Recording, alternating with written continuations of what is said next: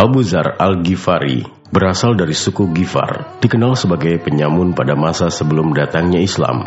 Abu Zar al-Ghifari memeluk Islam dengan sukarela. Ia merupakan salah seorang sahabat yang terdahulu dalam memeluk Islam. Ia mengikuti hampir seluruh pertempuran-pertempuran selama Nabi Muhammad SAW hidup. Dia dikenal setia kepada Rasulullah. Ia mengabdikan sepanjang hidupnya untuk Islam. Tidak diketahui kapan Abu Zar lahir. Sejarah hanya mencatat bahwasanya ia lahir dan tinggal dekat jalur kafilah Mekah, Syria, saat akan meninggal dunia, Nabi memanggil Abu Zar. Sambil memeluknya, Rasulullah berkata, Abizar akan tetap sama sepanjang hidupnya. Ucapan Nabi ternyata benar. Abizar tetap dalam kesederhanaan dan sangat soleh seumur hidupnya. Ia mencela sikap hidup kaum kapitalis, terutama pada masa Khalifah ketiga, Utsman bin Affan. Bagi Abizar, masalah prinsip adalah masalah yang tidak bisa ditawar-tawar. Itu sebabnya hartawan yang dermawan ini gigih mempertahankan prinsip egaliter Islam. Penafsirannya mengenai ayat Kans tentang pemusatan kekayaan dalam surah At-Taubah Taubah menimbulkan pertentangan pada masa pemerintahan Utsman. Atas dasar pemahaman inilah Abizar menentang keras ide menumpuk harta kekayaan dan menganggapnya sebagai bertentangan dengan semangat Islam.